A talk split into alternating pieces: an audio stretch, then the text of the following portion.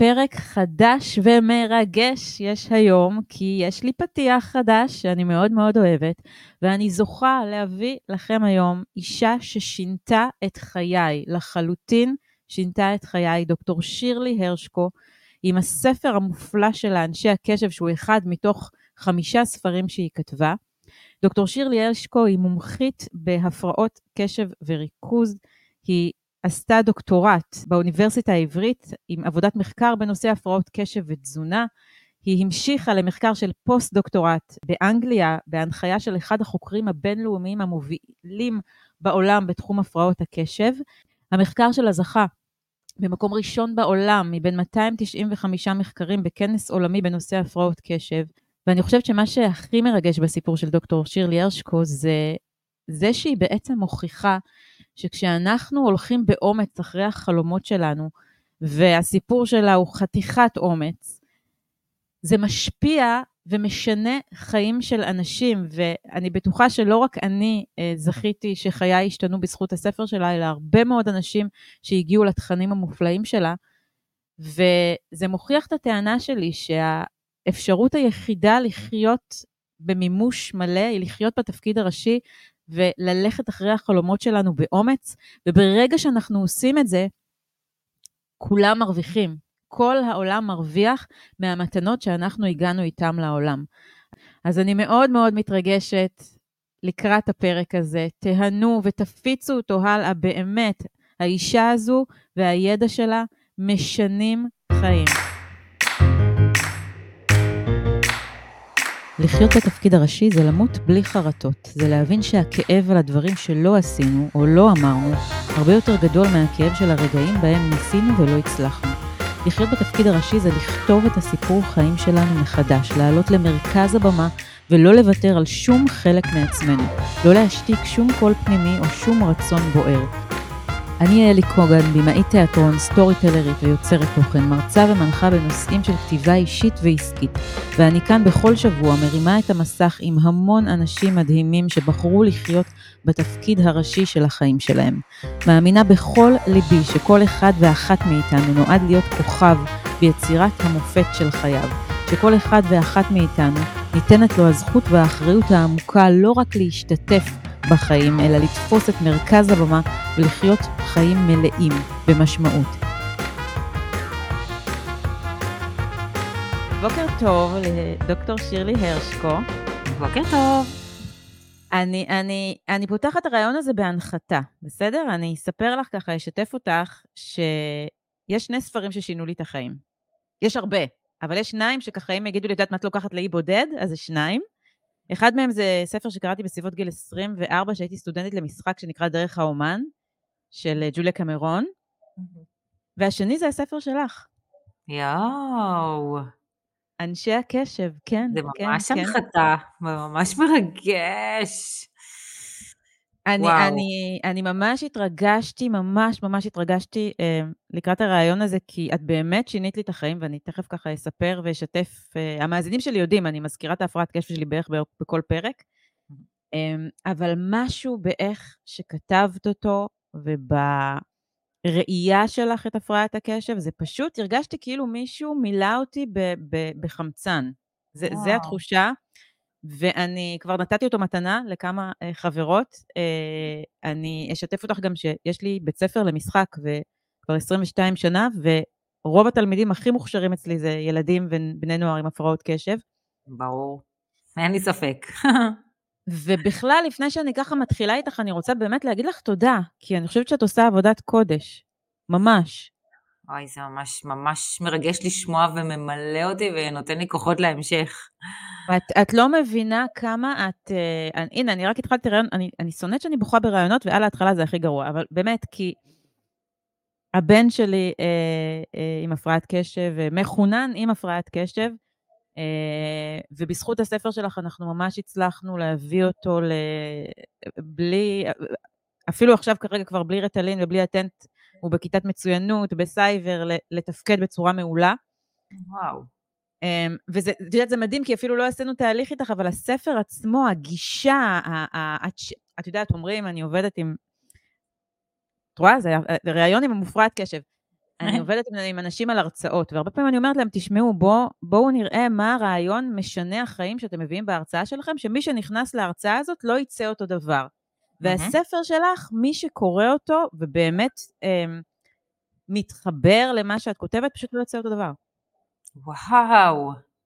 אה, היא עוד, היא עוד לא דיברה, חברים, אבל תכף היא גם, את גם תסבירי ותגידי, אבל אני, אני אגיד מה אני חושבת, ואת תגידי לי אם זה מתחבר לך, בסדר? איך אני אדבר אחרי ההקדמה הזאת? יהיה לי מאוד קשה. אני אגיד לך, אני, אני אספר לך את הסיפור האישי שלי, ואז דרך זה אנחנו ככה... אני אראיין אותך רעיון קצת אחר, בסדר? אה, אז אני, אה, תואר, הייתי תלמידה מצוינת בתיכון, כי רוב הזמן הייתי בים, הייתי מגיעה רק לשיעורים שאני אוהבת, והמורים נורא אהבו אותי, כי אנחנו רק כך נדבר על ההבדלים בין בנים ובנות. אה, תואר ראשון משחק, זה רוב התואר ריקודים, שירים, לא, לא הפריע לי ההפרעה. תואר שני, שעשיתי בשינוי חברתי דרך אומנות, כבר הייתי צריכה כל 45 דקות להגיד למרצה, תסלחי לי רגע, אני יורדת, לקפוץ את כל המדרגות, לעלות ולרדת ולחזור. ועדיין לא ידעתי, עדיין לא ידעתי שיש לי הפרעה, תביני, אני מדברת לך על גיל 40 ומשהו. יואו. ואז הגעתי לפוסט של יובל אברמוביץ', ושכתבתי לו מייל, הוא כתב עלייך, ששינית לו גם, שפתאום זיהית אותו. והפוסט הזה, אני, אני הייתי כזה, וואו, אימא'לה, זה עליי, הוא כותב את זה עליי. הגעתי דרך הפוסט שלו לספר שלך, ותשמעי, אני שוב אומרת את זה, הרגשתי כאילו מישהו נותן לי אישור להיות מי שאני. ואז הבן שלי באותה תקופה עבר אבחון, ובעקבות זה גם אני הלכתי לעשות אבחון, וגיליתי שאני ADHD אה? ברמה הכי גבוהה. ואני רוצה בכלל לשאול אותך איך, כי את יודעת, זה כל כך מרגש אותי, הפודקאסט הזה עוסק באנשים שלחיות בתפקיד הראשי עבורי, זה לחיות במתנה הכי גדולה ש, ש, שקיבלת בעולם הזה, בכדי לעזור לאנשים. ואני ממש מרגישה שאת מייצגת עבורי מישהי ש... שפשוט חיה את הייעוד שלה הגבוה ומשנה חיים של אנשים, אני בטוחה מהנתונים שראיתי אצלך וקראתי, שאת יודעת, יש לך רבע מיליון מאזינים לפודקאסט, ולא רוצה לחשוב אפילו כמה חמישה ספרים שלך כבר אנשים קראו אותם. איך בכלל הגעת לזה שאת, כי את הרי אין לך הפרעת קשב, שאת רוצה לעזור לאנשים עם הפרעת קשב? וואי, זו באמת שאלה מעולה וממש ממש מתחברת לכל מה שאמרת. כי באמת אין לי הפרעת קשב וגם לא הכרתי את זה בעצמי עד שהגעתי לתואר שני.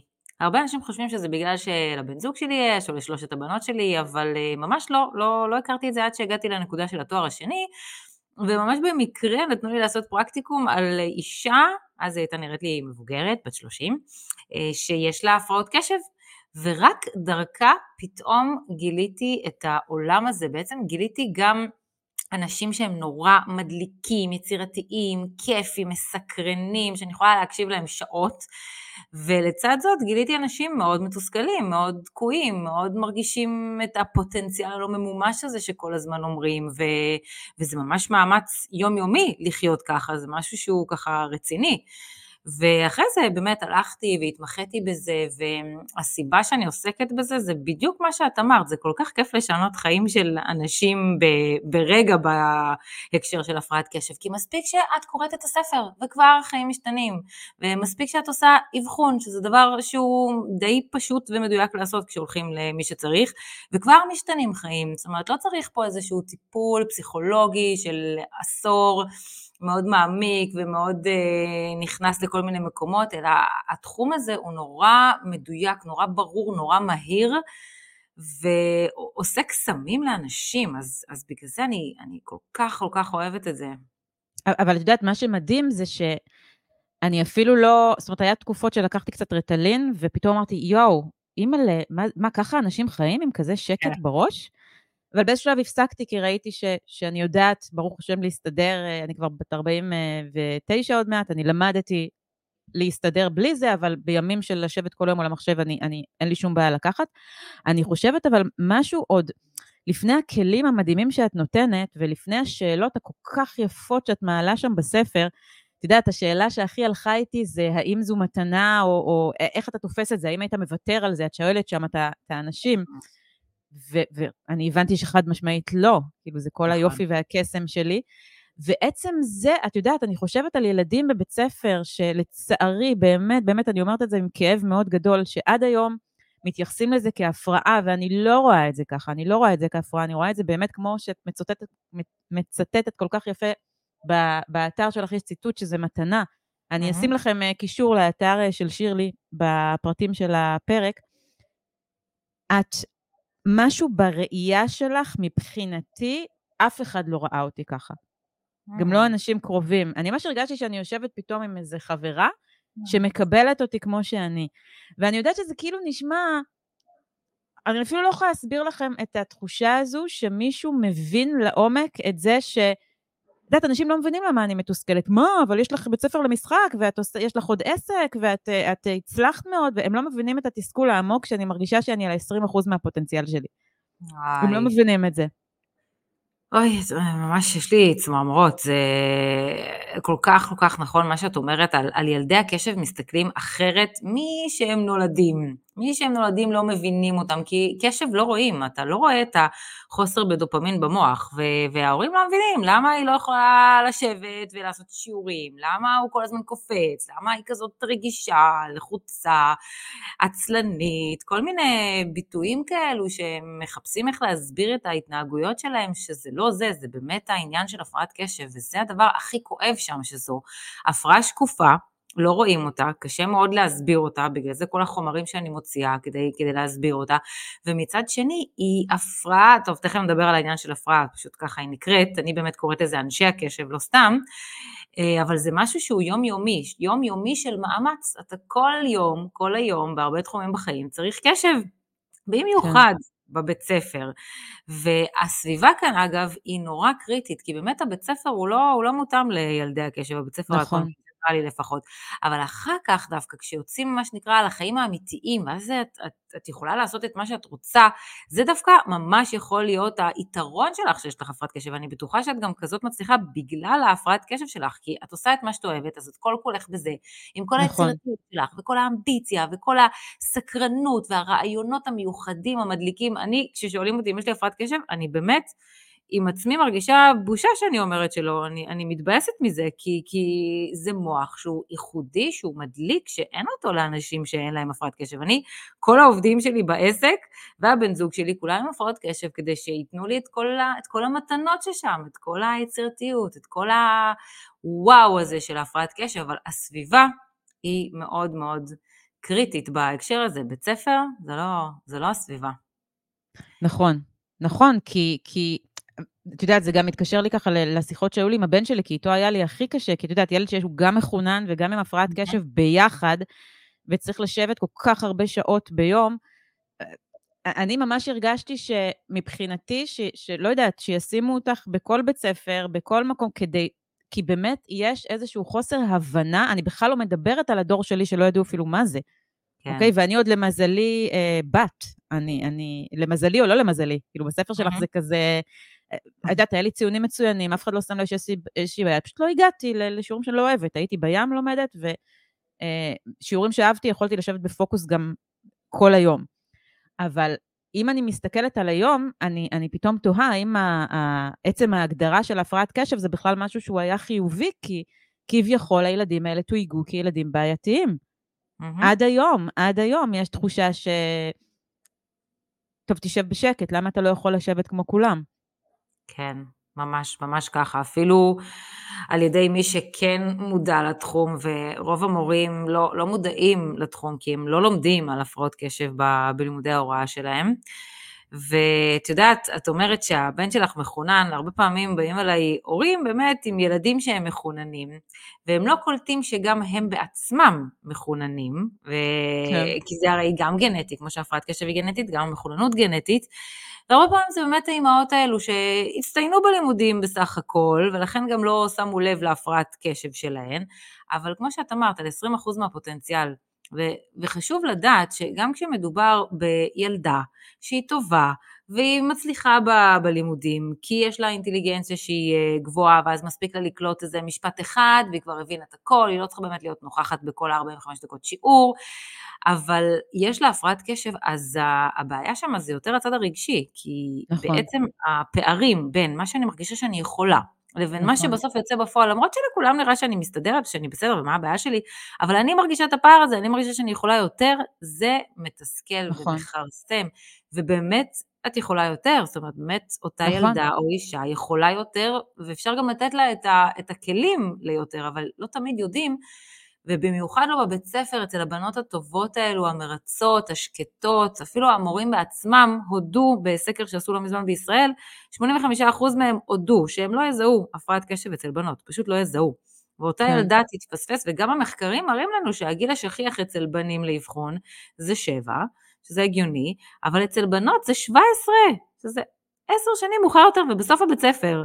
פשוט לא מזהים את זה אצלן כי הן יותר לרוב, שקטות, טובות, מרצות, ואם עוד אינטליגנציה גבוהה, אז בכלל, אפילו, אפילו לצערי רופאים ומטפלים לא, לא מספיק מודעים לזה ואומרים כל מיני שטויות, סיימת בהצטיינות, מה את רוצה, את בת 40, מה את רוצה, כל וואו, מיני... וואו, וואי, זה כל כך לא. קשה, זה כל כך כל כך קשה שאף אחד לא מבין אותך. את יודעת, אני רוצה דווקא להתמקד איתך במבוגרים יותר, כי אנחנו הדור ש, שבכלל לא ידע שזה קיים. זאת אומרת, דרך הילדים שלנו למדנו להבין שזה קיים, ויש משהו ב...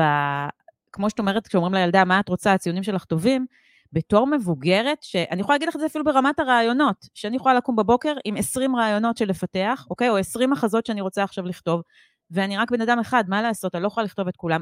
אפילו מזה יכול להגיע תסכול. מהמם. אפילו מזה. ומצד שני, אני כן רוצה פה לתת לכם אה, באמת הנקודה החיובית, הרעיון הזה הולך להיות על, ה, על החיוביות שבהפרעת הקשב. עצם זה שאני יכולה היום גם לשבת איתך עכשיו פה בריאיון, שעה אחרייך אני בונה עם מישהי הרצאה, אחרי זה אני הולכת לחזרות למחזה, ובערב אני עובדת על הסדנה שלי של מחר של בינה מלאכותית. אני עושה עשרה דברים של עשרה אנשים ביום אחד, שזה יתרון אדיר של ההפרעת קשב, ואני רוצה לשאול אותך רגע, כי זה באמת מעניין אותי, אז למה התסכול שאני מרגישה שאני בעצם, אני יכולה, בסוף היום הזה שעשיתי כל כך הרבה, אני יכולה לשבת עם בעלי ולהגיד לו, אוף, ממי, אני, אני, אני לא מצליחה, אני לא, לא הצלחתי לעשות את כל מה שרציתי. מאיפה וואי. זה מגיע? וואי, תשמעי, זה נובע מכמה כמה וכמה דברים עלו לי בזמן שדיברת. קודם כל, אנשי הקשב חייבים לעבוד במה שהם אוהבים. חייבים. כי זאת הדרך להצלחה, וזאת הדרך לעשות את זה ואת זה ואת זה, ולהצליח בזה. פשוט בזמן הזה מופרש מלא דופמין. בעצם הפרעת קשב זה לא שאין דופמין, אלא יש קושי בוויסות של הדופמין. וכשאתם עושים משהו שאתם אוהבים, אז המוח שלכם משתולל מדופמין, מפריש מלא מלא דופמין, באמת, הרבה פעמים הורים אומרים לי, מה?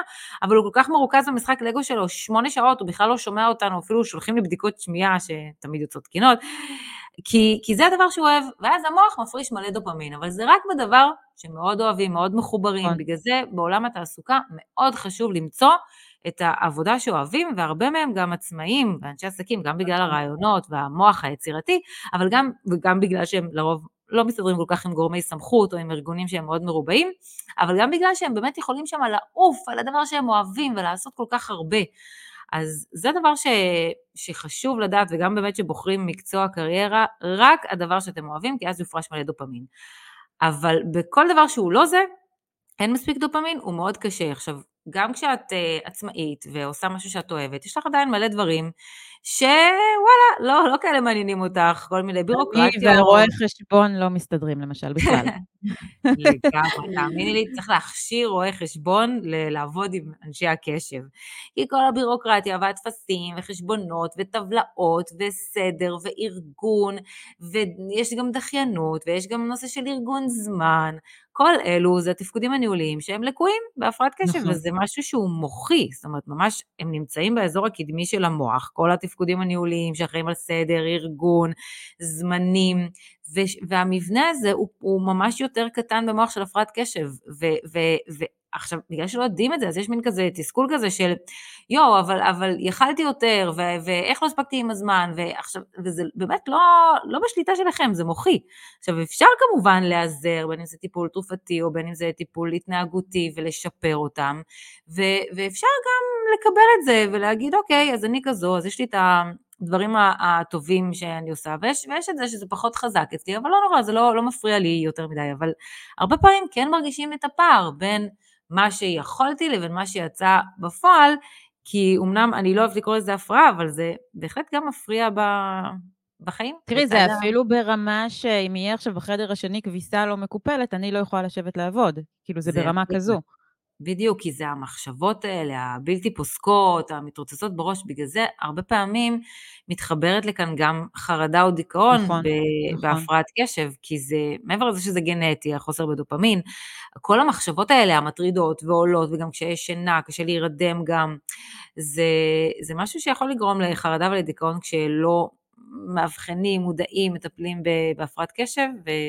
זה האמת הכי עצוב לי, כי בהפרעת קשב קל לטפל, אבל אחר כך בכל הדברים הנלווים, חרדה, דיכאון, יש גם כל מיני התמכרויות, יש אפילו עניינים של אה, תזונה, הפרעות אכילה, בעיות שינה, בכל אלו יותר קשה, קשה לטפל. לכן זה כן באמת חשוב כמה שיותר מוקדם לאתר ולטפל, אבל anyway, בכל גיל זה אפשרי. הגיע אליי אפילו לאחרונה מישהו בן 75. אה, וואו. הוא עבר אבחון, אחרי שהוא יצא לפנסיה ואשתו השתגעה ממנו, כמעט הרגה אותו, אז הוא רצה להביא לה את האבחון ולהראות לה למה הוא כזה, זה עשה וואו, פלאות, יש לי פרק על זה, בפר... יש לי עוד כמה ספרים בספר על זוגיות קשובה, יש לי פרק רק על זה, על אבחון בגיל שהוא, בגיל השלישי, כי גם שם זה עושה פלאים. אני רציתי לשאול אותך, אני ראיתי שהמחקר שלך אה, עסק בתזונה? כן. תזונה כן. מה, כמשהו שמשפיע עליו? כי זה מאוד מאוד מעניין אותי לדעת האם באמת התזונה היא משהו שהוא קריטי ב... כן. ב...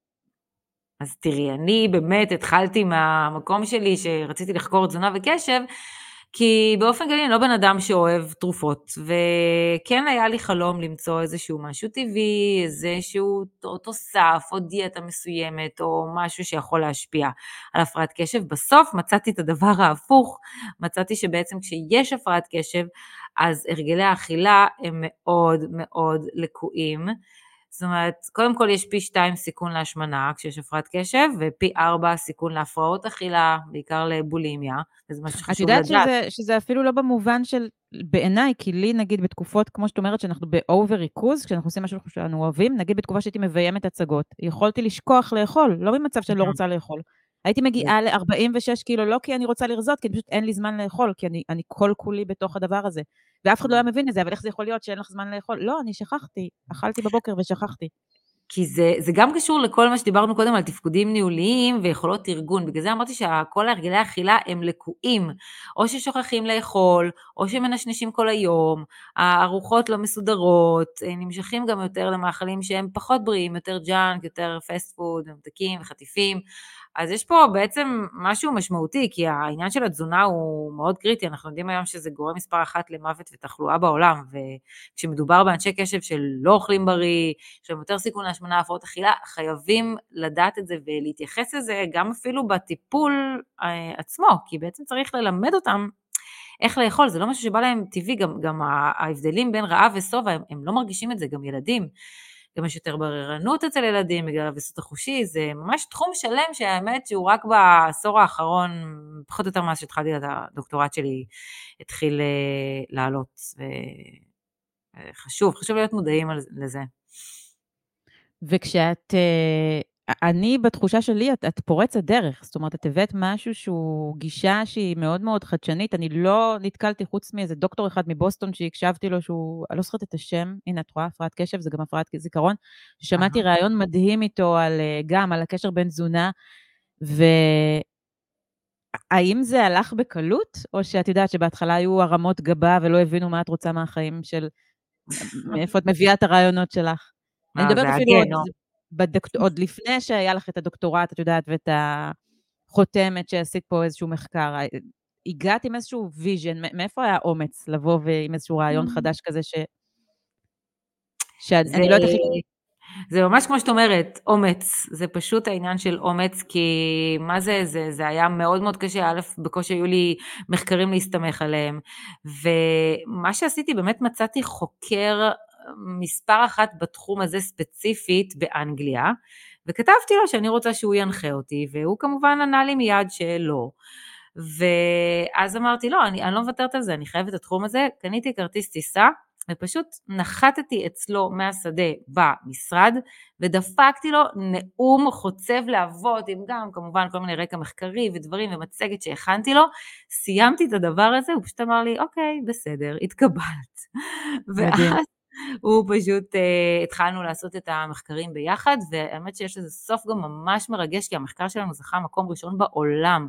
מדהים. בשנת 2019, ו, ו, ומשם באמת כבר התחיל גוף הרבה יותר רחב אה, של מחקרים בנושא של תזונה, וזה, אפילו ניתוחים בריאטריים היום לא עושים לפני שמעבירים איזשהו סינון להפרעת קשב, כי יודעים שהם לא יצליחו אם לא תהיה שם התייחסות להפרעת קשב, ואני גם מכשירה תזונאיות בקורסים שלי, זה משהו שחייבים להתייחס אליו, כי שום דיאטה לא תצליח, או שינוי תזונתי, אם מי שיש לו הפרעת קשב, אם אנחנו לא נתייחס להיבט הזה ספציפית של הפרעת קשב.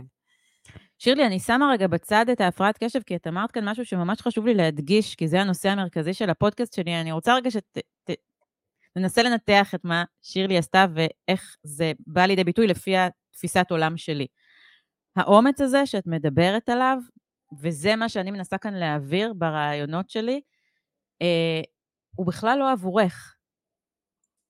זאת mm-hmm. אומרת שכשאת הגעת לאותו חוקר עם המוטיבציה המטורפת הזאת, והקול הפנימי שבער בך, זה בכלל היה בשבילי. Huh. את מבינה מה אני אומרת? וברגע שאתם משנים את התפיסה, אז בכלל לא צריך אומץ, כי אם אני יודעת שיש לי איזושהי אמת פנימית שאני רוצה להביא לעולם, והאמת הזאת תציל בעוד שנה, שנתיים, עשר, תציל אנשים ותאפשר להם להיות במיטבם, ו- וזה משהו שאני רוצה לתת, אז אני בכלל לא מגדירה את זה כאומץ, אלא אני מגדירה את זה כ... אני פשוט עושה מה שבאתי לעשות כאן. Mm-hmm. ואני חושבת שהסיפור שלך הוא מדהים, הוא פשוט, הוא פשוט דוגמה מדהימה למישהי שהולכת וחיה בתפקיד הראשי של החיים שלה. כי באותה מידה את יכולת להגיד, מה, לנסוע אליו? כאילו, זה לא לשלוח לו מייל. Mm-hmm. מה, מה, הוא יחשוב שאני משוגעת, אה, אני אלך לעשות משהו אחר. ואז אני לא הייתי עכשיו יושבת פה ו- ומרגישה טוב עם עצמי ו- ושלמה עם האני שלי, והרעיון הכל כך מדהים שהבאת, והמחקר הזה וכל מה שעוד תביא, והחמישה ספרים, וה... לא יודעת כמה אנשים ששינית להם את החיים, את מבינה איזה גלגל זה? וכמה אותה, אותה אה, אישה צעירה שהלכה לאותו חוקר, וכמה את, את בעצם עשית כאן משהו שהוא הוא, הוא בכלל לא עבורך. כן, לגמרי. חד משמעית, אני באמת, אני באמת מרגישה שליחות עבור כל האנשים שמרגישים, איך אני אסביר את זה? מרגישים תסכול בחיים שלהם ויש דרך מאוד פשוטה לעזור להם. זה פעם אמרה לי מישהי, זה כמו שבעצם יש לך תרופה לסרטן ואת נותנת אותה.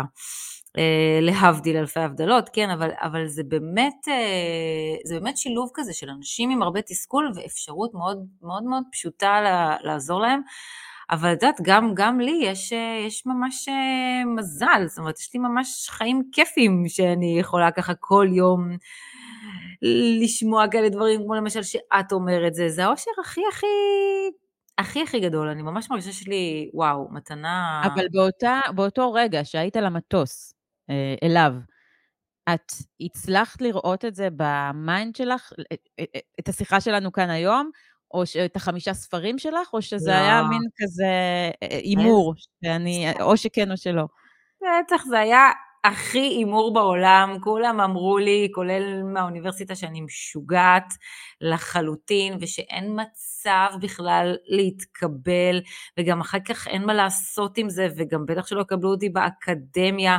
כל הדברים האלה התבררו אה, כלא נכונים, כי, כי הם באמת התגשמו, אבל זה, זה באמת משהו ש, שמראה שלא לא להקשיב לכל, ה, לכל הקולות האלה, כי אף אחד, לא, אף אחד לא האמין בזה, אף אחד לא האמין בזה.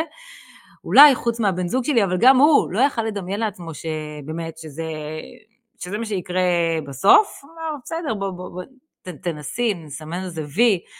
מה יש להפסיד, אבל לא, לא דמיינתי, וגם, וואי, הייתי בלחץ, שאין דברים כאלה, לא, לא ישנתי לילות, אז ממש לא, לא יכלתי לדמיין את זה, וזה באמת אולי מסר לכל האנשים שגם אם קשה לכם ואתם חרדים ולחוצים ואף אחד לא, לא מאמין בזה, פשוט תיכנסו בזה ו- ותעשו את זה. מקסימום זה לא יצליח, תמצאו מקום אחר. פעם אמר לי, היה לי פעם מטופל, שהוא נפגש איתי רק דרך החלון של המשרד שלי. הוא לא היה מסוגל לשבת בחדר, על הכיסא ולדבר איתי, השיחה, הטיפול היה דרך החלון של המשרד. כן, ככה זה אנשי הקשב עם כל הרעיונות המוזרים שלהם. והוא גם הראה לי שהוא אחר כך קעקע על היד. אה, משהו בסגנון, אם, אם אתה לא יכול להיכנס דרך הדלת, תיכנס דרך החלון. זה היה המוטו שלו.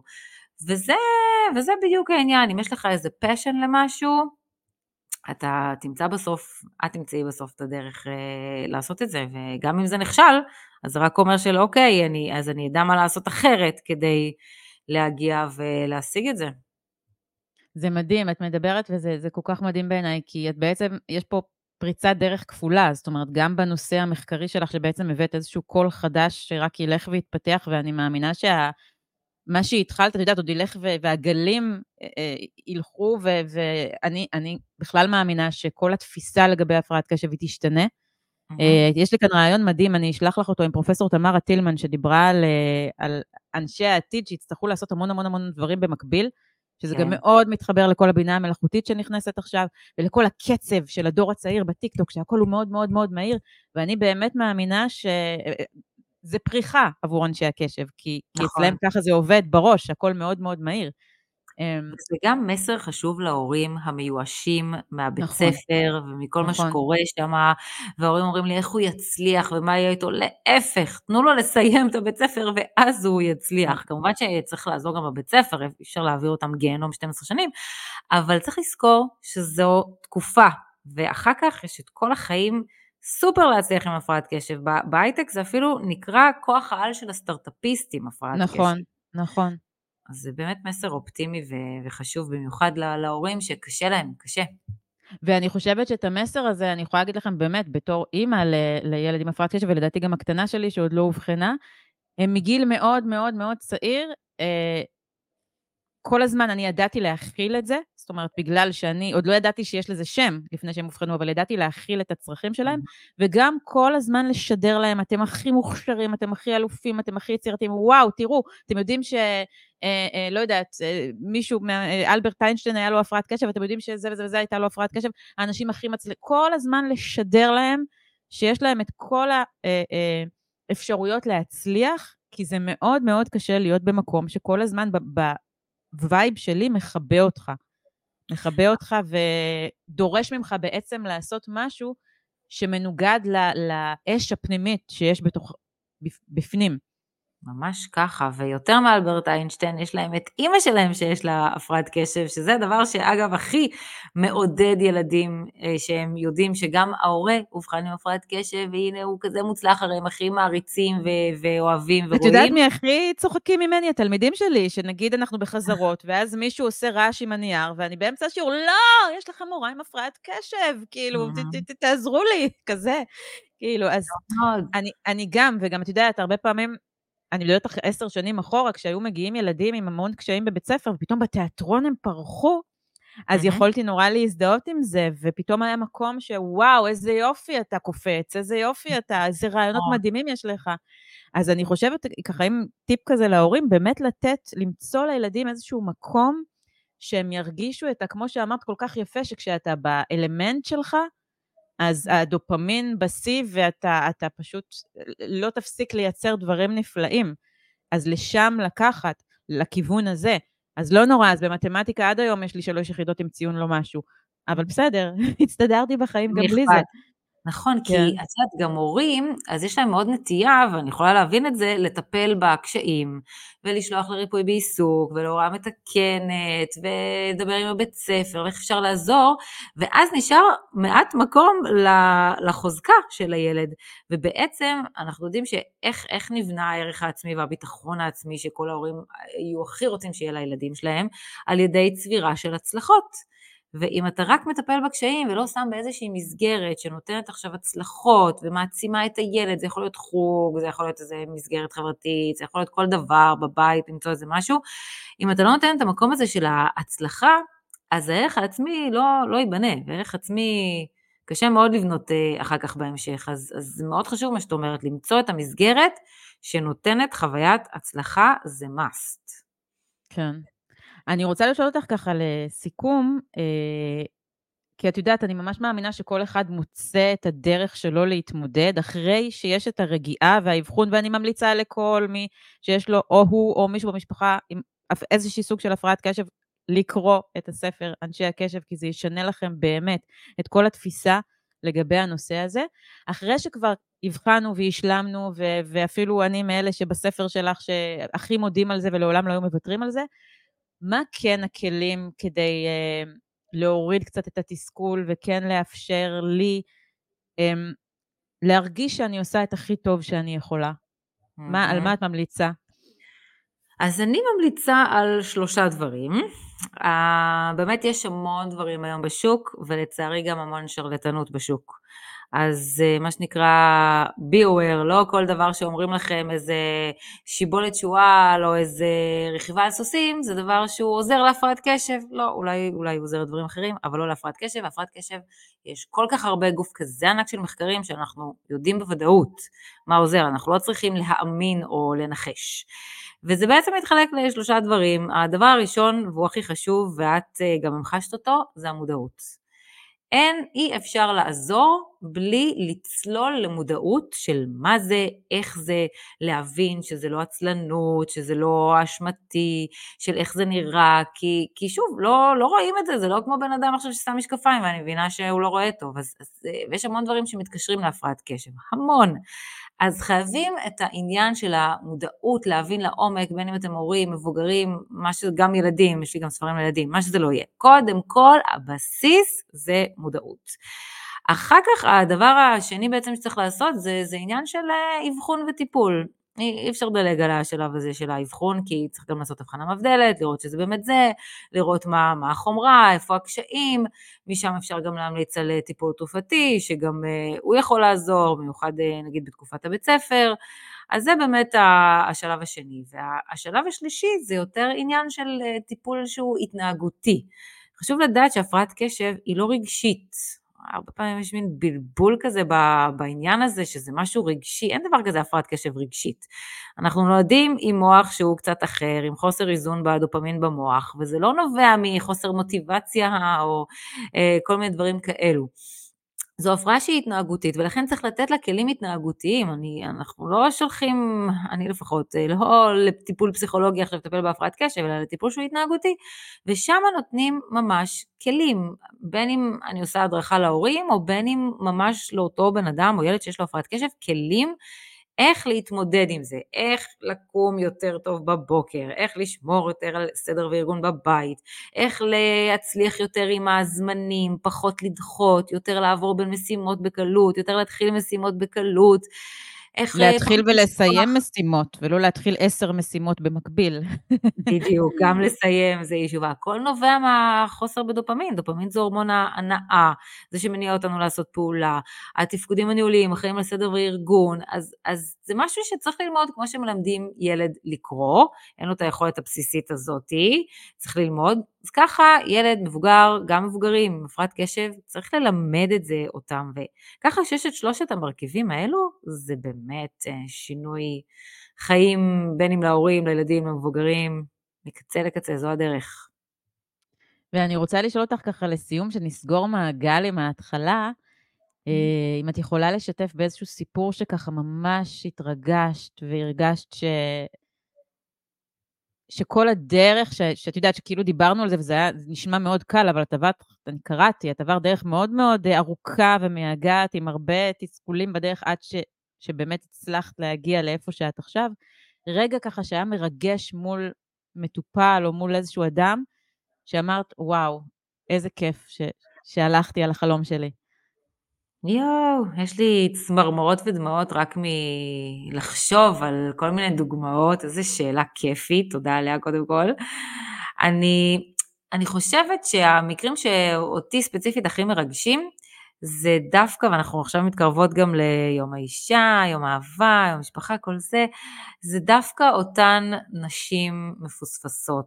הנשים האלה שהרגישו כל הילדות שלהן, שאף אחד לא רואה אותן, כמו שאמרת, ושהן לא מצליחות, והן יכולות להיות סופר חכמות והן מרגישות טיפשות, והן לא מצליחות להתנהל עם חיים, והן לא מבינות למה, למה אני לא בסדר, והן עסוקות כל הזמן בהאשמות ובהלקאה עצמית שהן פשוט לא טובות, ואז הן מגיעות, הן עוברות אבחון, הן רואות את הגרפים, ו- ו- ואז הן אומרות לי, אוקיי, אז עכשיו אני מבינה שזו, שזו לא אשמתי, שאני בסדר, וואי, אני צריכה להראות את זה לאמא שלי, לבעלי, ו- ושאני כן יכולה לעשות את הדברים, וואי, זה זהו, זה, זה הכי מרגש. את יודעת, את, את אומרת, ופתאום על, עלה לי עוד משהו נורא נורא חשוב שאני רוצה להגיד, שזה לאו דווקא חייב להיות נשים שלא מרגישות, שלא מצליחות כאילו by the book. זאת אומרת, זה יכול להיות כן. גם נשים שמאוד מאוד מאוד מצליחות, נכון. ועדיין מרגישות תסכול שהם לא, שהם יוכלו להצליח יותר.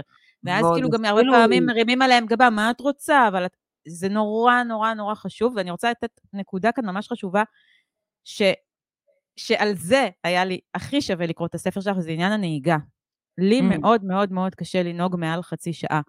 ואף פעם אף אחד לא הבין אותי, בעלי היה מתעצבן, למה אני צריך לבוא להחזיר אותך, ואני ממש הרגשתי שמבחינתי זה קשה לי פיזית, אני צריכה לעצור בצד, להתרכז, ואנשים לא מבינים למה, ואז קראתי בספר שלך שהאחוזים של um, מופרעי קשב ל- לעשות תאונות הם הרבה יותר גבוהים, ומאותו רגע שקראתי את זה, אני אמרתי, אני לא נוהגת יותר את מעל את החיים 30 שלך. דקות. את הצלת את ומי שיש. לו בעיה עם זה, אני אסע באוטובוס, מישהו יסיע אותי, ואת יודעת, ואנשים, מה, אתה- זה כאילו, מה לא נורא, כי מסתכלים על זה. בזלזול, ואני אומרת, כן, כן, ואני, וכשהראיתי את הספר לו, בבקשה, תקרא, אני לא מפונקת, אני לא זה, אני לא מסוגלת, אני באמת לא מסוגלת, כי בטח, זה גם עניין של חיים אני ומוות. יכולה לנסוע לתל אביב ולהגיע לחיפה, כאילו, זה. אנשים לא מבינים את זה. כן, אז- כי, אז- כי נהיגה דורשת קשב והמון קשב, ויש הרבה יותר תאונות וגם תאונות יותר קשות, ולפעמים אומרים לי, בסדר, הפרעת קשב זה לא חיים ומוות. הנה, דוגמה לזה שזה חיים ומוות.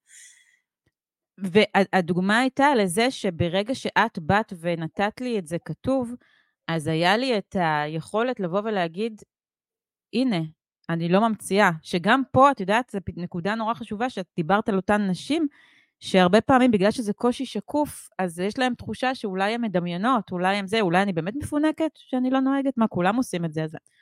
ואת, בגלל זה באמת הספר הזה צריך להיות בכל בית שיש בו מישהו עם הפרעת קשב, אה, ולכל מורה שמלמדת תלמידים, כדי באמת, את הצלחת בעיניי, ובעיניי בגלל זה הספר הזה הוא כל כך מדהים, להביא את המהות הפנימית של מה אני חווה בשונה מאנשים אחרים. את יודעת שם את הדימוי של המשקפיים, שזה כמו אה, אה, לשים למישהו משקפיים ו- ופתאום הוא רואה טוב.